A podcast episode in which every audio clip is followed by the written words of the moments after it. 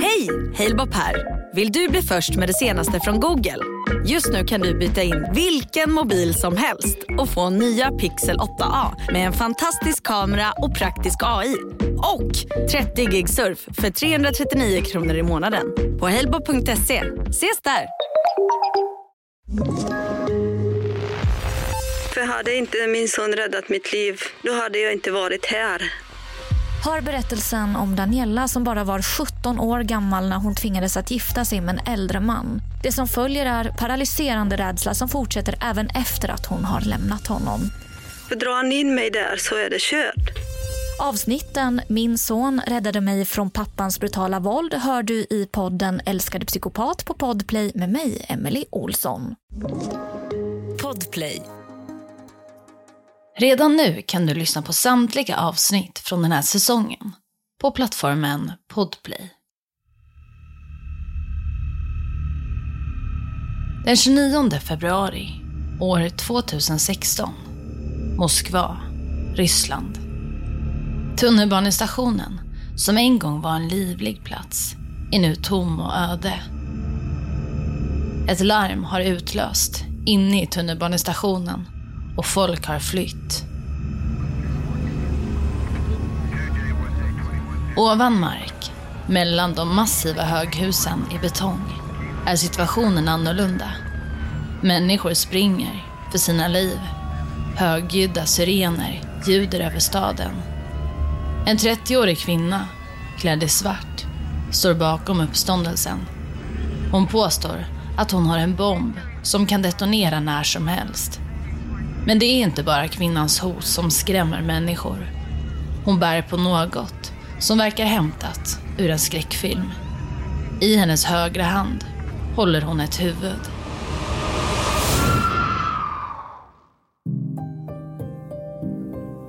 Du lyssnar på Jakten på mördaren. Med mig, Saga Springhorn. Dagens avsnitt är skrivet av Lisa Törnlöf. Jag vill varna för grova och ingående våldsskildringar kopplat till barn i dagens avsnitt.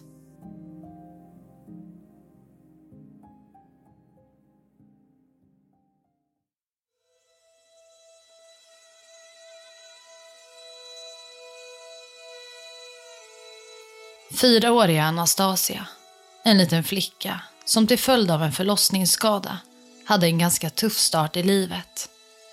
År 2012, samma år som hon föddes, diagnostiserades hon med epilepsi, nedsatt mental funktion och motoriska svårigheter som påverkade hennes rygg och förmåga att gå. Till följd av det förutspådde läkarna att lilla Anastasia aldrig skulle kunna klara sig på egen hand och därför skulle behöva assistans livet ut.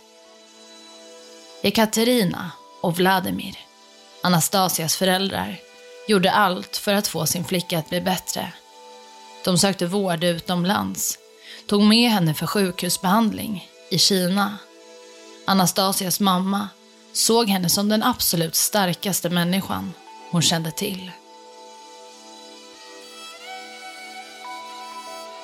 Anastasias föräldrar kom ursprungligen från regionen Orjol som ligger mitt emellan Moskva och gränsen till Ukraina. Paret flyttade till huvudstaden Moskva då Vladimir fick en tjänst på ett federalt departement som programmerare. Väl på plats i den nya staden bestämde de sig för att anlita en barnskötare vars uppgift skulle vara att ta hand om Anastasia och hennes äldre syskon. Efter en rekommendation från ett par familjevänner anställde de år 2013 Gulchekra, en då 36-årig kvinna från Uzbekistan.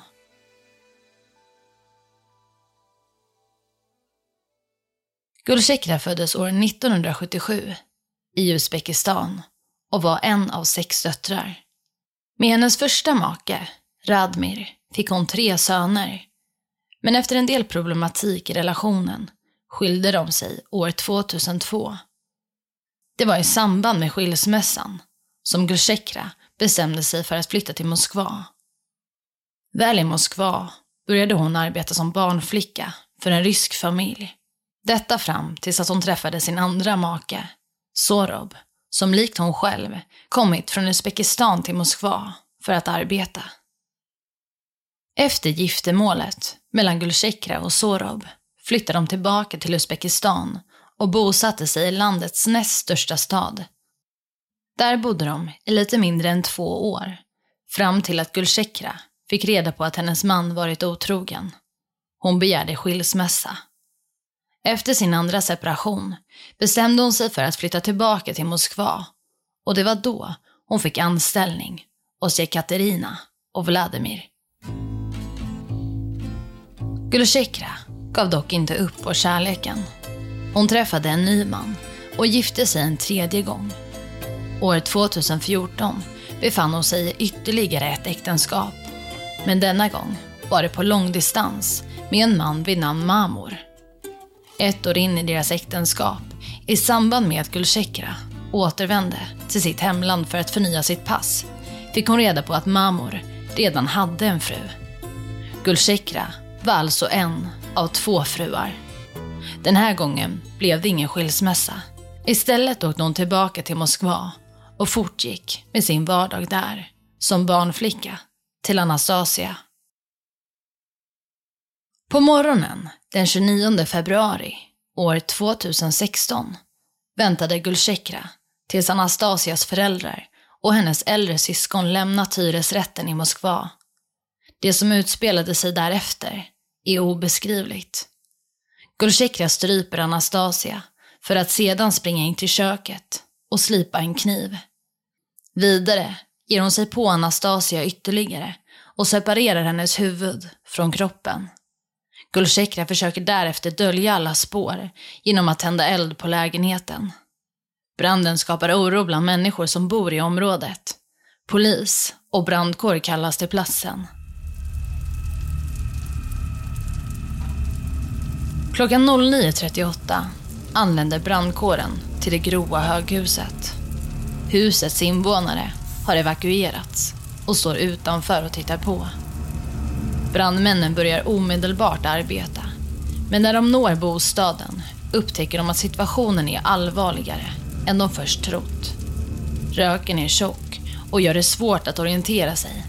Och det brinner kraftigt i alla rum med en skarp lukt av förkolnat trä i luften. Efter en halvtimmes arbete får brandmännen kontroll över branden. Men deras lättnad blir kortvarig när de hittar en avhuggen kropp i en spjälsäng i den utbrända bostaden. En kropp som tillhör ett litet barn. Intill den avhuggna kroppen upptäcker de också kvarlevor av en förkolnad hund.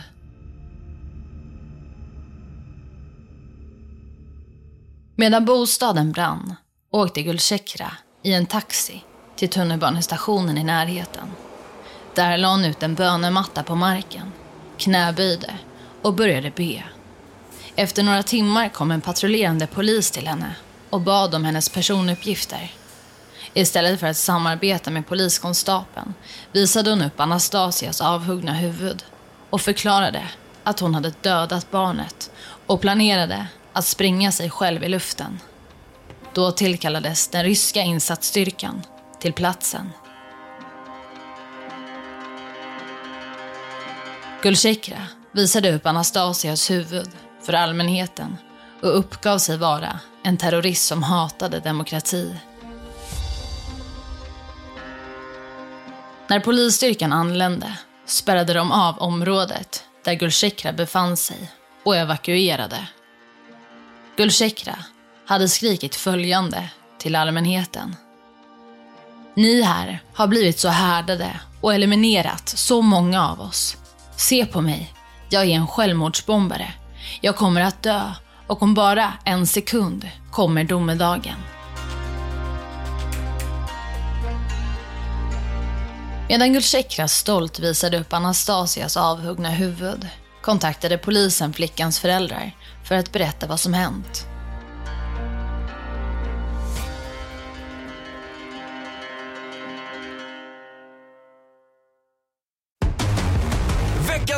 Power deal hos Vedol. Jalas! Rätt sko för rätt jobb. Alla fötter är olika och alla jobb kräver olika skydd. Jalas har skyddsskorna för dig och ditt jobb. Så den här veckan, välj skyddsskor från Jalas hos Vedol. För säkerhets skull! För säkerhets skull. Hej! Halebop här. Vill du bli först med det senaste från Google? Just nu kan du byta in vilken mobil som helst och få nya Pixel 8A med en fantastisk kamera och praktisk AI. Och 30 gig surf för 339 kronor i månaden på halebop.se. Ses där!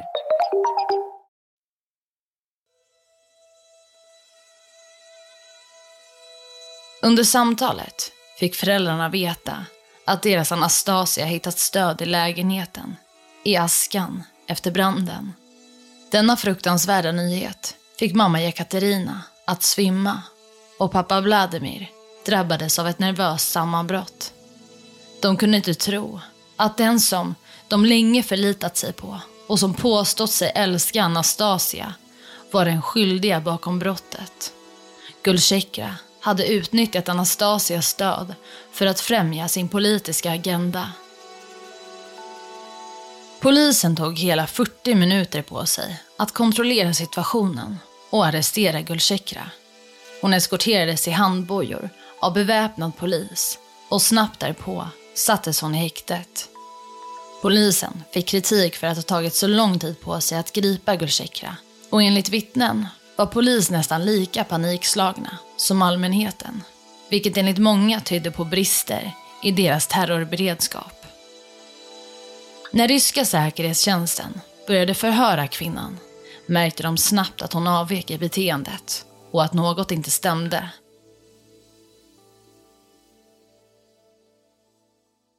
Gulchekra hävdade själv att hon fått en övertygelse om att hämnas på Rysslands president Vladimir Putin. Hon påstod sig höra röster som beordrade henne att halshugga Anastasia. Under utredningen uppstod det frågor om Gulchekras mentala tillstånd. Hon hade uttryckligen sagt att det var en röst i hennes huvud som beordrade henne att göra det hon gjort mot Anastasia. Närstående till Gulchekra informerade utredarna om att hon diagnostiserats med schizofreni i sitt hemland och att hon hade behandlats för detta under 2000-talet. Efter det hade hon dock bestämt sig för att hålla sitt psykiska tillstånd för sig själv och hade därför inte berättat för sina arbetsgivare om sin sjukdom. Gulchekra konstaterades ha fått en psykos och hade därför utfört det fruktansvärda dådet. Enligt uppgifter från Gulchekras närstående hade hon innan dådet rest tillbaka till Uzbekistan för att förnya sitt pass. Det var då hon fick reda på att hennes make hade en andra fru. Något som kom som en chock för henne. En kombination av hennes schizofreni och sveket ledde henne till att begå mordet, enligt utredarna. Efter gripandet och förundersökningen upphörde de statliga tv-kanalerna att bevaka fallet Enligt staten ansågs fallet vara för monstruöst för att sändas på TV. 4 mars 2016. Moskva, Ryssland. Gulchekra, 39 år gammal, går klädd i blå och svart dunjacka. Hon eskorteras genom rättssalen i handfängsel. Vakten öppnar långsamt upp grinden till den bur som den åtalade ska komma att låsas in i under rättegångsprocessen. Ett obehag sprider sig över rummet när kvinnan bakom gallret kikar ut över åhörarna. Det är knäpptyst och det kalla ljuset från taklamporna bidrar till känslan av obehag. Efter vad som känns som en evighet ger domaren plötsligt ifrån sig en dov harkling innan hon tar ton och initierar processerna. Den isolerade kvinnan åtalas nu för inte bara mord på ett barn, utan också för mordbrand och bombhot.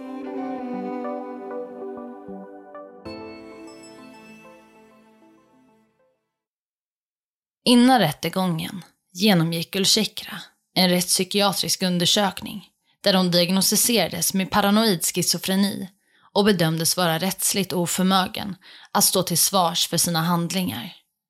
Hennes diagnos hade tidigare uppmärksammats under förundersökningen då polisen talade med hennes släktingar och tjänstemän i Uzbekistan. Försvaret hävdade att Gulchekra agerade under en psykos som utlöstes av besvikelsen över att hennes make hade en annan fru. Under rättegången visade Gulchekra tecken på ånger. Detta genom att be om ursäkt till Anastasias mamma och säga att hon ångrade sina handlingar och att hon var allvarligt sjuk. Trots att de flesta involverade i rättsprocessen ansåg att det var osannolikt att Gulchekra hade ett terrorrelaterat motiv åberopade åklagarsidan ett vittne som antydde motsatsen. Gulchekras 19-åriga son, Rakhmal Tilo, klev upp på vittnesbänken och hävdade att hans mamma faktiskt hade blivit radikaliserad när hon blev tillsammans med Mamor. Han påstod att hon hade uttryckt en önskan om att flytta till Syrien och att hon hade försökt övertala honom om att följa med henne. Han är i rätten tydlig med att han hade motsatt sig sin mammas planer. Han ville flytta till USA eller Sydkorea. Försvaret motsatte sig vittnesmålet genom att hänvisa till förundersökningen. Utredarna hade sökt igenom Gulchekras telefon och dator, men inte hittat något som tydde på att hon var en terrorist. I Ryssland är maxstraffet för mord på ett barn livstidsfängelse. Men kvinnliga förövare kan inte dömas till mer än 25 års fängelse. Det var alltså det straff som Gulchekra potentiellt skulle kunna ha fått. Men eftersom hon diagnostiserades med schizofreni dömdes hon istället till rättspsykiatrisk vård. Tanken var att hon där skulle genomgå medicinska åtgärder under minst fem år innan hon skulle bedömas för att eventuellt återgå till samhället. Gulchekra själv hävdade att hon var psykiskt sjuk, men ansåg att hon inte behövde någon behandling. I samtal som läcktes i samband med rättegången skröt hon om sin diagnos för en poliskonstapel. Hon förklarade att hennes schizofreni bara skulle gynna henne genom att hon skulle skickas till psykiatriskt sjukhus istället för att sitta i fängelse i 25 år. Redan där förutspådde hon sin egen dom genom att säga “Jag vet redan vad som väntar mig. Jag kommer behöva genomgå en tvångsbehandling i några år, men sen efter det kommer de att släppa mig.” Och som en liten sista kommentar gällande den här rättegången vill jag bara undersöka att det är svårt att måla upp en bild av vad som faktiskt hände under rättegången. Och det här är ett resultat av landets censurering. För i samband med att rättegången började så såg domaren till att processerna skulle utföras bakom stängda dörrar. Allmänheten och media fick alltså inte följa fallet så nära inpå.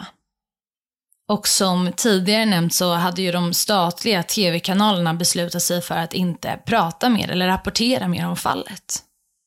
Mm. Vi går vidare. En kort tid efter att domen verkställts försökte Gulchekra vädja om att avtjäna sitt straff under husarrest i sitt hemland, i Uzbekistan. Hon ville bli behandlad där hon tidigare fått behandling för sin schizofreni. Hon trivdes inte inom den ryska rättspsykiatrin där hon vårdades.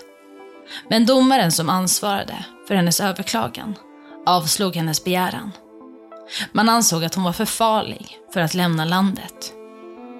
Gulchekra skulle därför fortsätta att få vård av ryska psykiatriker som också ansåg att det var olämpligt för henne att leva under husarrest i Uzbekistan. Domaren och psykiatrikerna menade att hon riskerade att få ett återfall om hon inte tog sina mediciner och att överlåta ansvaret till någon annan än dem var riskabelt. Gulchekra skulle alltså fortsätta att avtjäna sitt straff inom ryska rättspsykiatrin. Med Hedvigs hemförsäkring är du skyddad från golv till tak oavsett om det gäller större skador eller mindre olyckor. Digital försäkring med personlig service, smidig hjälp och alltid utan bindningstid. Skaffa Hedvig så hjälper vi dig att säga upp din gamla försäkring. Hedvig Hemförsäkring, ett klick bort. Veckans powerdeal hos Vedol. Jalas! Rätt sko för rätt jobb. Alla fötter är olika och alla jobb kräver olika skydd. Jalas har skyddsskorna för dig och ditt jobb. Så den här veckan, välj skyddsskor från Jalas hos Swedol. För säkerhets skull! För säkerhets skull. Hej! Halebop här. Vill du bli först med det senaste från Google? Just nu kan du byta in vilken mobil som helst och få nya Pixel 8A med en fantastisk kamera och praktisk AI. Och 30 gig surf för 339 kronor i månaden på helbo.se. Ses där!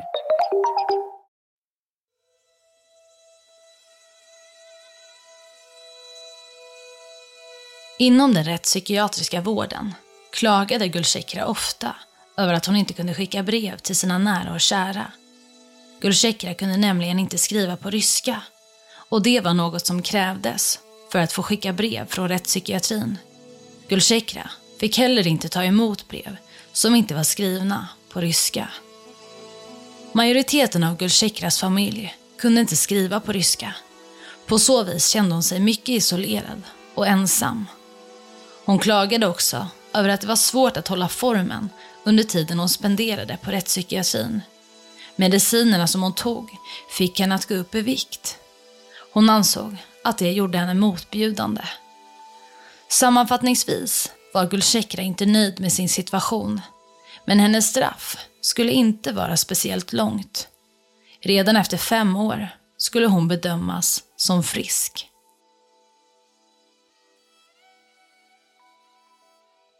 År 2021 förklarades hon alltså som frisk av psykiatrikerna. Hon bedömdes då vara ofarlig och redo att återgå till samhället. I mars månad 2021 var hon ute på Moskvas gator igen. Det här var något som upprörde Anastasias mamma och pappa, Jekaterin och Vladimir. De två föräldrarna hade aldrig litat på det som rättsväsendet påstod, att Gulsekra var psykiskt sjuk.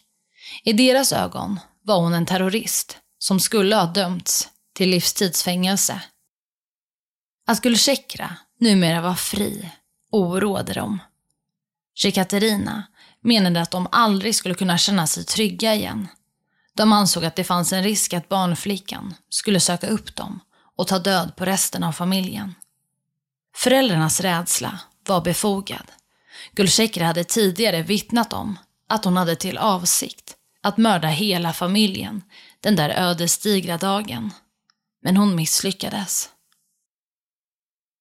Uppståndelsen var stor kring fallet och redan några dagar efter mordet på lilla Anastasia hölls en demonstration nära tunnelbanestationen. Demonstrationen var till minne av den lilla flickan och avsedd till att stödja hennes familj. Allmänheten lät även uppföra minnesmärken för Anastasia. Den ena intill tunnelbanestationen och den andra utanför familjens bostad. I flera månader tog folk med sig blommor, leksaker, choklad och ljus till platserna. Allt för att hålla minnet av Anastasia vid liv. Utöver demonstrationen och kärleken från allmänheten så samlades även totalt 4 miljoner rubel, rysk valuta, in till stöd för offrets anhöriga.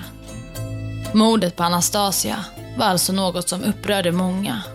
Och trots alla hemskheter mötte allmänheten familjen med värme och kärlek. Ja, många kritiserade rättspsykiatrin i Ryssland. De tyckte att det var fel att Gulsekra nu skulle ansvara för sin egen medicinering. Hon hade ju tidigare misslyckats med just det här så att man förstod inte riktigt hur det här kunde vara en rimlig bedömning. Rättspsykiatrin å andra sidan menade att eh, Gulsekra inte var ensam ansvarig kopplat till medicineringen. Hon skulle övervakas trots att hon nu var fri ute i samhället. Ni har precis hört om mordet på Anastasia. Ett rättsfall som än idag både uppmärksammas och kritiseras kopplat till utredningen och polisarbetet. Bland annat ansåg många att det var upprörande att det tog så lång tid för polisen att arrestera barnflickan. Att fallet dessutom censurerades gav också upphov till misstankar då varken media eller allmänheten fick möjlighet att göra en egen bedömning. Det här ledde till en generell misstanke om att det fanns politiska motiv bakom den diagnos som Gulsekra tilldelades. Vidare väckte också fallet frågor gällande de krav man ska ställa på personal som anlitas för att ta hand om barn. Det här var allt för dagens avsnitt.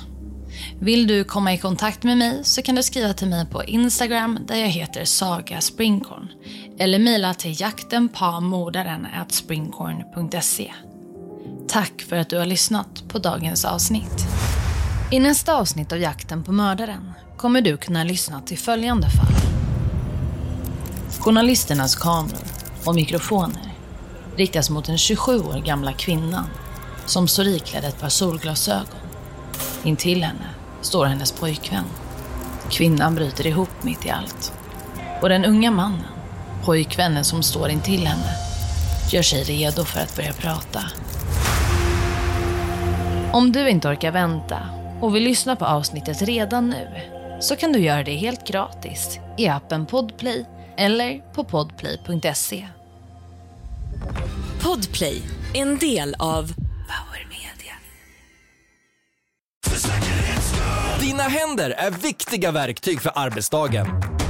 Så den här veckan har vi 25% rabatt på alla skyddshandskar hos Swedol. Ja visst, passa på! Kika in i din närmsta butik eller handla på webben. När du köper skyddshandskar, välj Swedol för säkerhets skull.